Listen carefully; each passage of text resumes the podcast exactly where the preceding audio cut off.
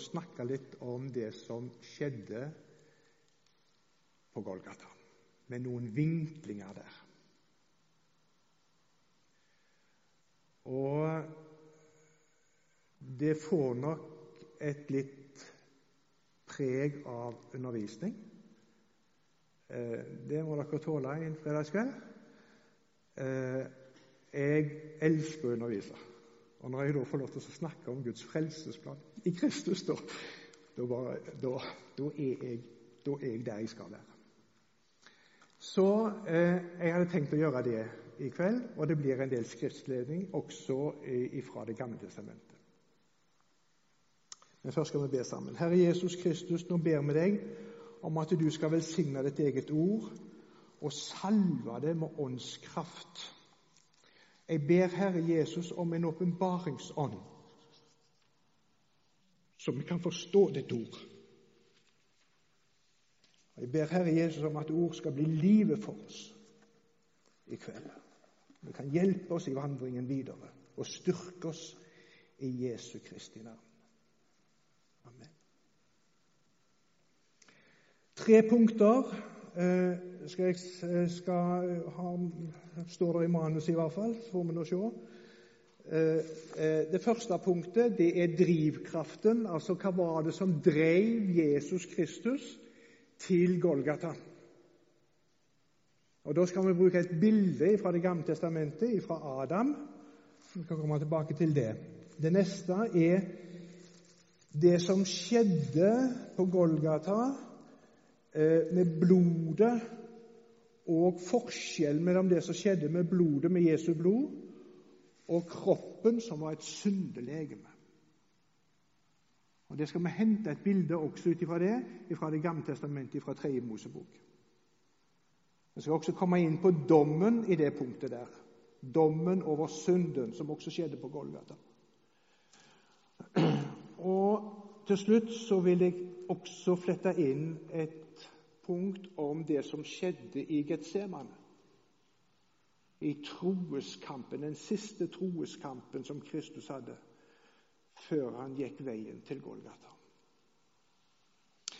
Første punktet drivkraften. Da skal vi lese et underlig vers som står i eh, første Timoteus, det andre kapittel og det fjortende vers.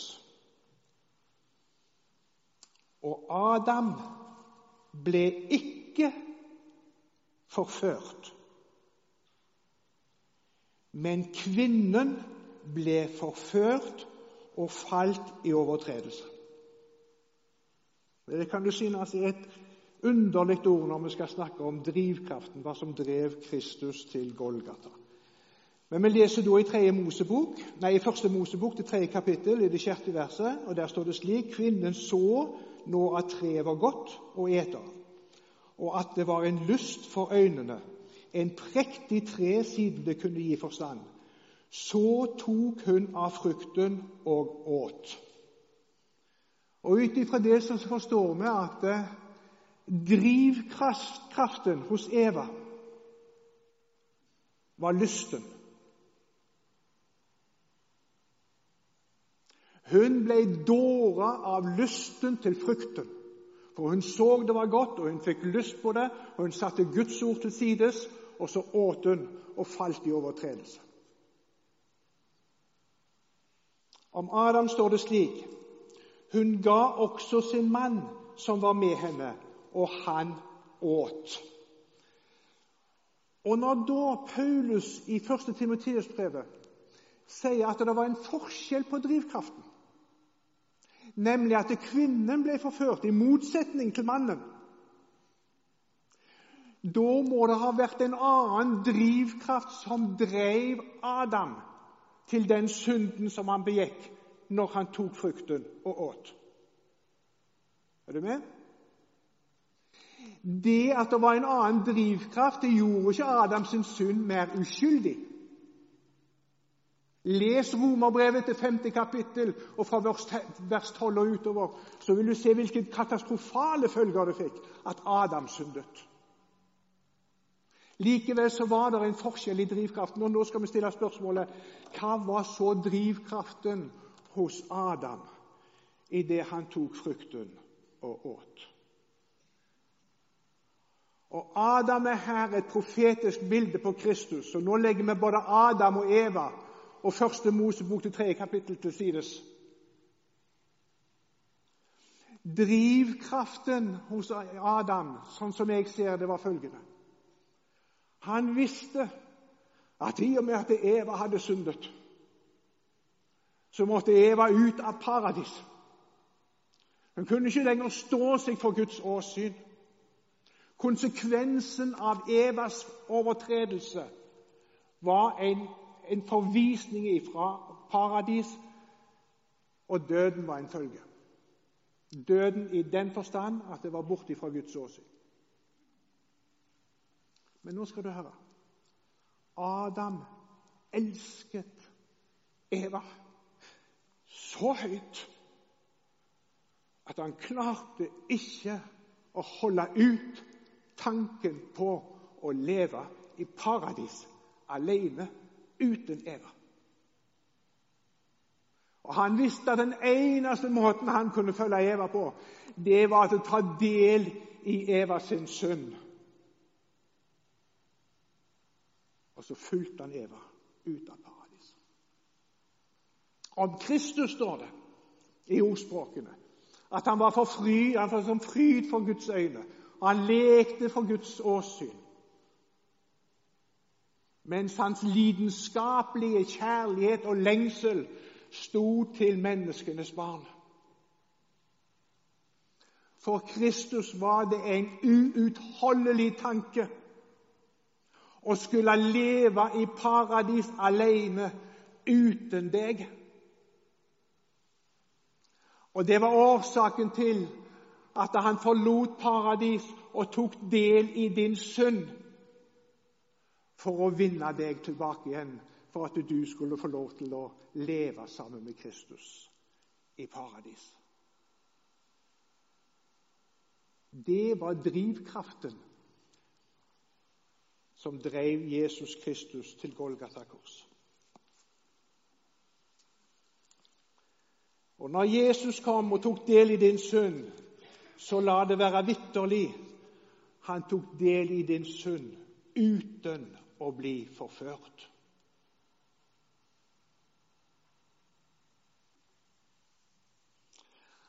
Han vandra livet ifra krybbe til kors uten et eneste feilsteg. Og i slutten av sitt liv så sto han fram og kunne si Hvem kan overbevise meg om synd? Satan prøvde gang på gang å få han felt i forførelse, men han sa nei. Han ble ikke forført. Han tok del i din synd fordi han elsket deg. Det neste vi skal se på, det er skillet mellom kroppens syndelegeme og blodet.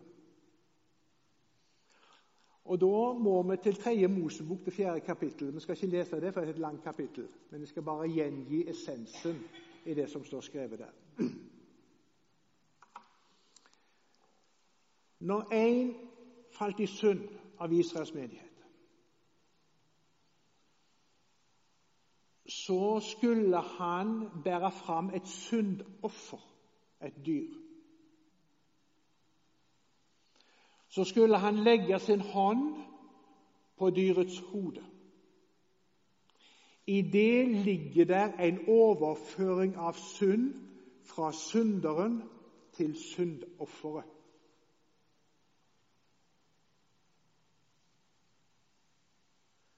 Så skulle syndofferet slaktes. Det skulle dø. Og Det som deretter skjedde, er vel verdt å merke seg. For det står at kroppen, legemet, skulle bæres ut forbi leiren og brennes. Deri ligger det ureine. For det ureine det skulle ut forbi leiren, for der var det ureines plass.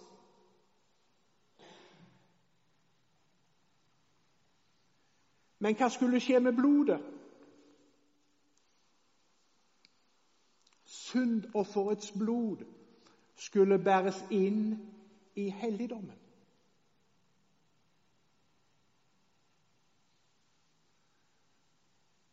Og da vet vi at inni helligdommen hadde bare det fullkomne og det rene og det ulastelige inngang.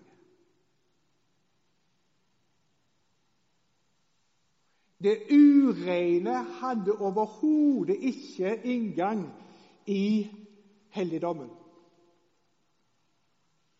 Og Her skal vi merke oss to ting. For det første så sier Gud i 3. Mosebok til 17. kapittel og 14. vers at for blodet er sjelen i all skapning. Fordi sjelen, altså livet, er i blodet. Blodet er altså noe mer enn en materiell substans i soningsakten. Blodet er noe mer enn røde og hvite blodlegemer og blodplasma som du kan analysere i en blodprøve. I soningsakten så ligger offerdyrets, syndofferets liv ligger i blodet. Derfor kunne blodet bæres inn i helligdommen. Fordi den synd som ble påført syndofferet, smittet ikke hans liv. Livet var rent. Livet var edelt. For det var bare det edle og det rene som hadde tilgang til helligdommen. Mens det ureine, syndelegeme ble båren ut forbi leiren for å dø, for å brennes der. Og så til Kristus på Golgata. Og Da må vi til Hebreabrevet. Det 13. kapittel og 11. og 12. vers. For offerdyrets blod blir båret inn i helligdommen av ypperstepresten til soning for synd. Men kroppen blir oppbrent utenfor leiren. Derfor led også Jesus ut forbi leiren for å hellige folket ved sitt eget blod. Ser du at det som skjedde, og det som viser seg i soningsakten i Det gamle testamentet, i det tredje Mosebok, i loven om syndofferet i det fjerde kapittel, gjenspeiler seg til det som skjedde på Golgata. Derfor led også Jesus ut forbi porten for å hellige folket ved sitt eget blod. Nå skal du høre. Første Peters brev, det andre kapittel og det 24. vers sier det slik at Jesus bar våre synder på sitt legeme. Nå er det en liten nyanse der som du skal være klar over. For den preposisjonen som er brukt i 1. Peters brev, det andre kapittel 24. verset, og som der er oversett med 'på hans legeme', det er den samme preposisjonen som Paulus til alltid bruker i sine brev når han snakker om å være i Kristus. Er du med? Så en liker, Hvorfor de har brukt ordet 'på' der, det vet jeg ikke. Nå skal ikke vi brette ut den detaljen der i, i kveld, men de bare nevner det. Hvorfor de har brukt ordet 'på' i den oversettelsen i 1. Peter 2, 24, det vet jeg ikke. Jeg kan bare tenke meg det. Men det er den samme preposisjonen som altså Paulus gjentatte ganger alltid bruker når han snakker om å være i Kristus. Og hva ville da oversettelsen i 1. Peter 2, 24 vært? Han som bar våre synder i sitt legeme oppå treet. Han var et syndelegeme.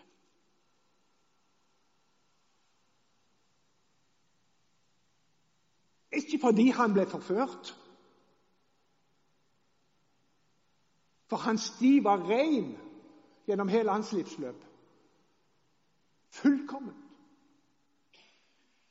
Men fordi min synd ble lagt på ham. Så bar han altså min synd i sitt legeme opp på treet. Ut forbi leiren.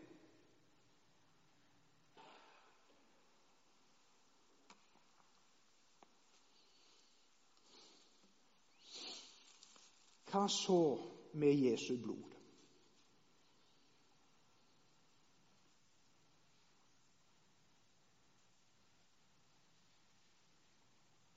Blodet var jo hellig, rent, fullkomment, ubesmitta. Livet, hans sjel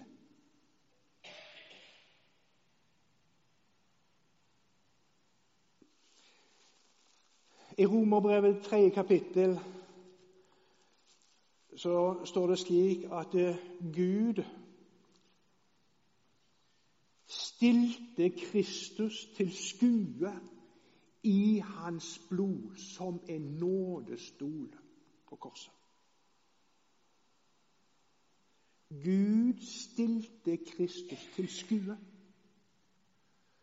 Altså, på Golgata når blodet fløt ifra hans sidesår, ifra hans naglemerkede hender og føtter, ifra hans tornekrone, ifra ryggen som hadde fått svepeslagene,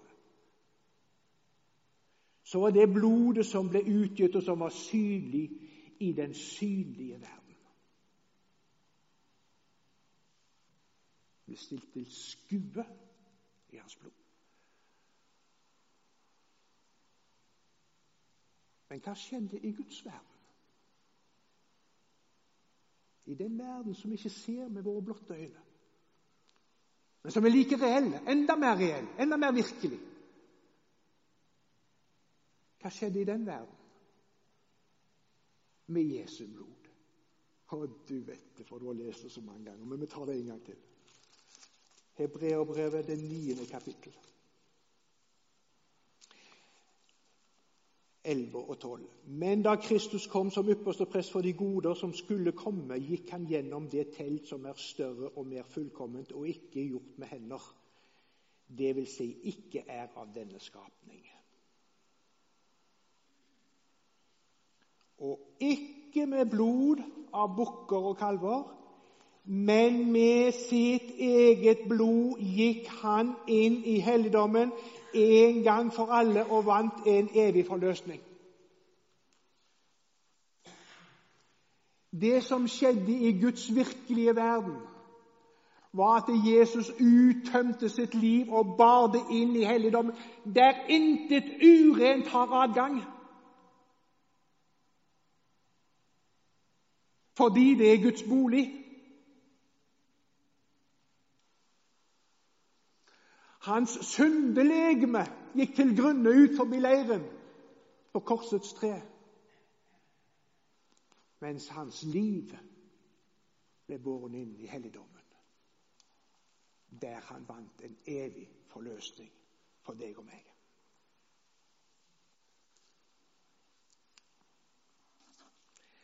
Pilatus var den som felte dommen over Kristus i den synlige verden. Men Pilatus hadde ingenting han skulle ha sagt. Du kan ikke gjøre noen ting, du Pilatus, uten at det blir gitt deg fra oven, sa Jesus til ham. Når Pilatus sa, 'Vet ikke du at jeg kan sette deg fri?' Eller 'jeg kan få deg dømt'? Du kan ikke gjøre noen ting.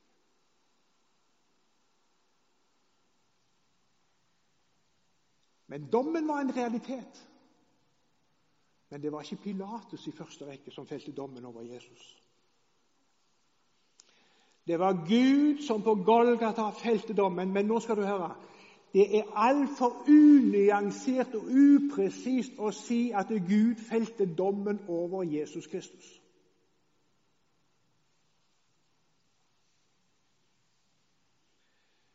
For på Golgata så felte Gud dommen over synden.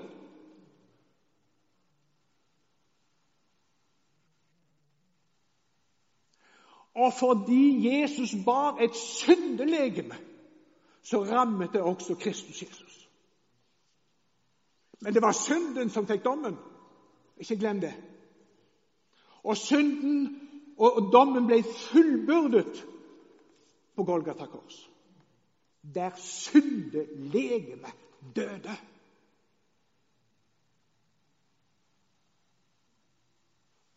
Og så skal jeg stille deg et spørsmål. For du kjenner Bibelen, for her er det mange bibelsprengte mennesker i salen.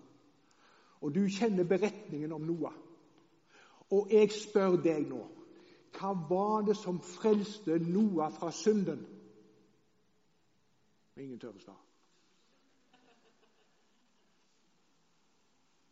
Var det arken?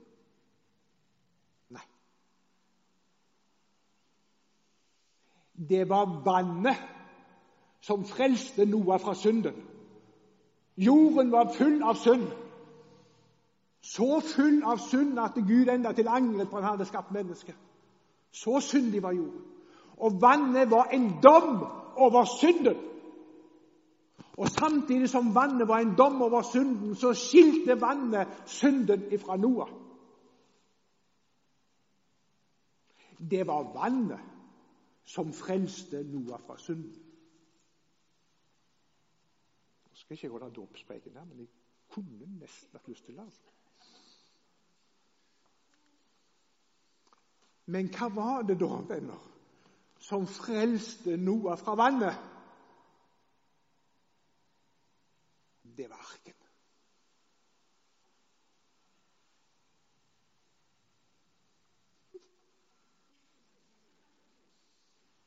Ser du hvor herlig og vidunderlig i Guds frelsesplan at dommen over syndelegemet på Golgata er til frigjørelse for deg og meg.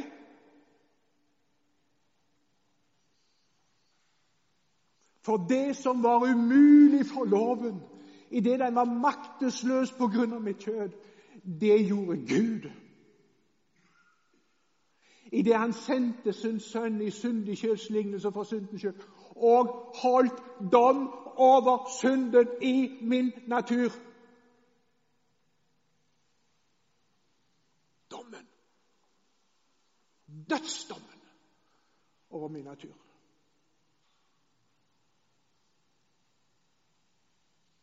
Derfor, venner, er det ingen fordømmelse for den som er i Kristus Jesus. Fordi dommen er fullbyrda på Golgata.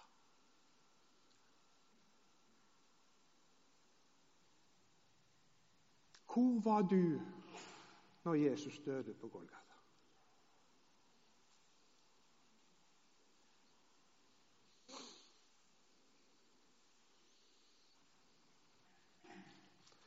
Det har vært en taleserie her i, i vår mestermøte. Golgata var stedet for tidenes største mestermøte. For Skriften forteller meg at jeg ble korsfesta sammen med Kristus.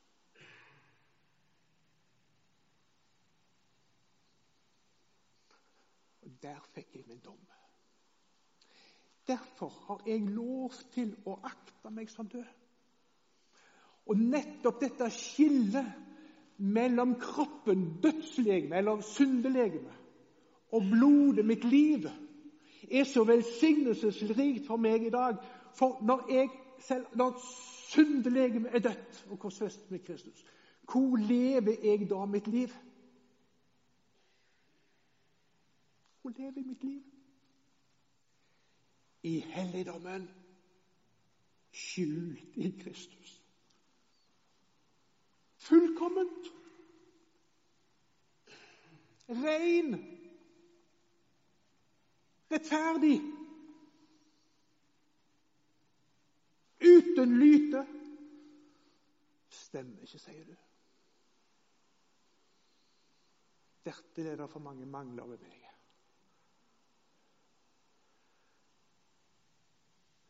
Dertil er det for mye som hefter med meg.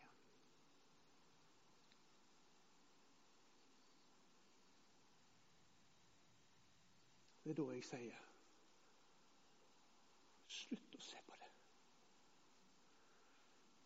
Slutt med det. Det er Ikke der du lever. Det er ikke det som er deg. Ditt liv lever du i Kristus, i helligdommen. Sammen med Han. Og så til fryd for Guds åsyn. Og han fryder seg over deg som på en høytidsdag. fordi dommen ble fullbyrda på Golgata. Dommen om mitt syndelegeme, som Jesus bar. En vidunderlig frelse. Er det rart jeg elsker å skue inn i dette? her? Det er jo Ja. Nå må vi ha Jeg slapp litt seint til. Jeg må ha et Jeg må ha et punkt til når det gjelder Getsemane. Jeg må det. Getsemane. Jeg har lurt på Jeg har lurt på om Jesus i det hele tatt kunne fullføre løpet eller vandringen til Golgata uten først å gjennomgått den troskampen og trosseieren som fant sted i Getsemane.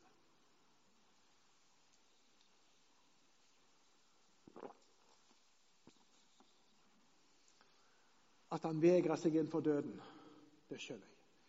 Men angsten som han hadde i Getsemane, for han var grepen av angster da, det gikk dypere enn naglemerkene. Og djupere enn spydet i siden. Det var en angst og en smerte som gikk mye dypere enn det. Han skulle kjempe imot høvdingen over hele satanske riket. Det er klart han vegra seg. Er det mulig, far, når denne kalk går meg forbi? Men det er én ting til ved Getsemane som jeg synes å se. Jeg sier det på den måten. Jeg synes å se det.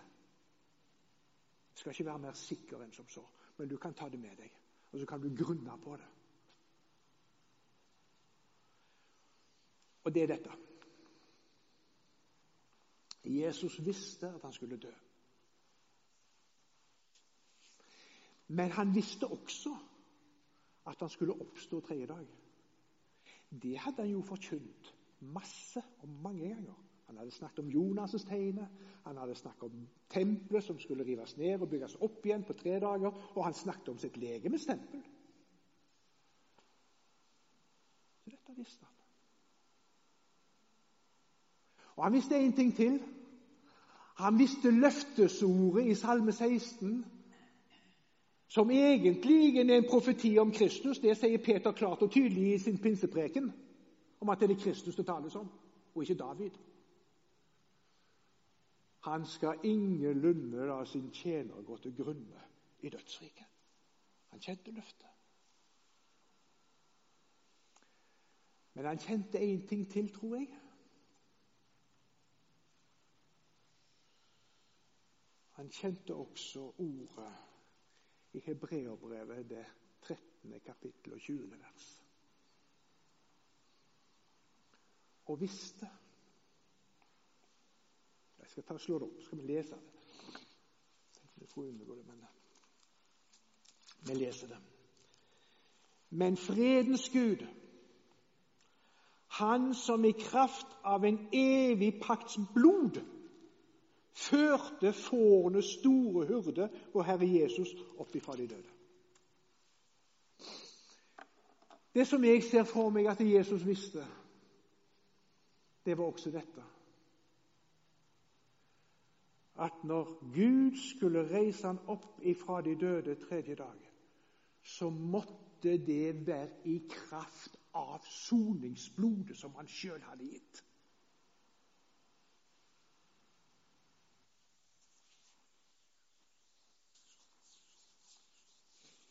Det er da jeg kan tenke meg troskampen kom inn. Det er bare sånt jeg ser det. Spørsmålet Gud, det er blod jeg skal gi om noen timer Det er livet jeg skal øse ut og bære inn i helligdommen Er det sterkt nok?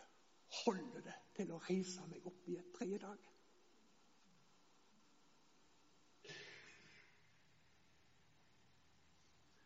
Og Jeg kan levende godt tenke meg Det er bare en tanke jeg har, dette. Men jeg kan levende godt tenke meg at dette ble et trosspørsmål for Jesus Kristus. Ikke tenk deg at Jesus Kristus, fordi han var Guds sønn, surfa på en trosbølge hele livet.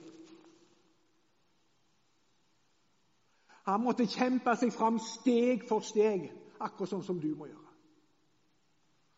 Han hadde de samme troskampene som du har. Enda sterkere.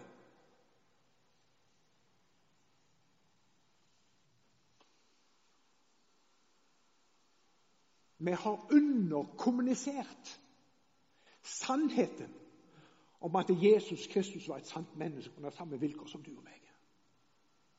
Det som ga seieren i Jesus' sitt liv, det var at han var Guds sønn. Men kampen måtte han gjennomgå. Og Jeg ser for meg at dette i Getsemane var den siste troskampen han gjennomlevde, før han gikk til Golgata. Holder det Gud?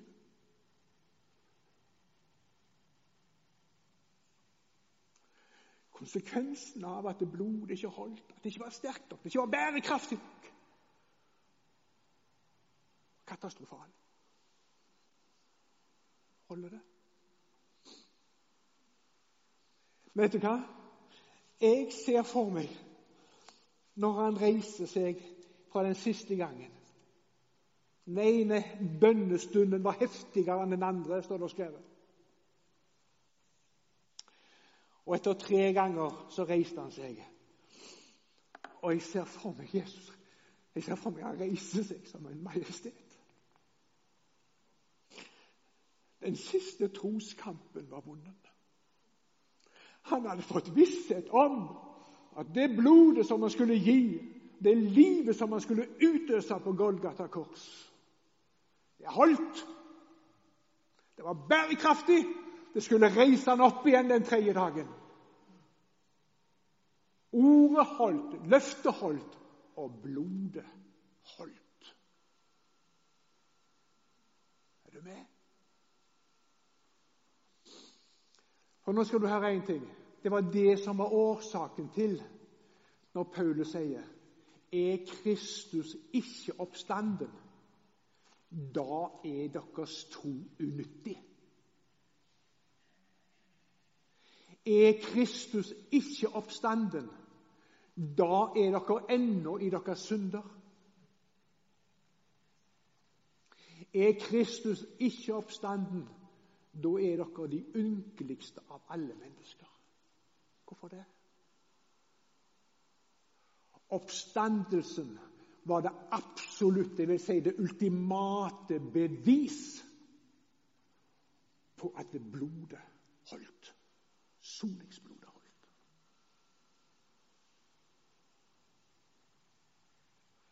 Det holdt for Kristus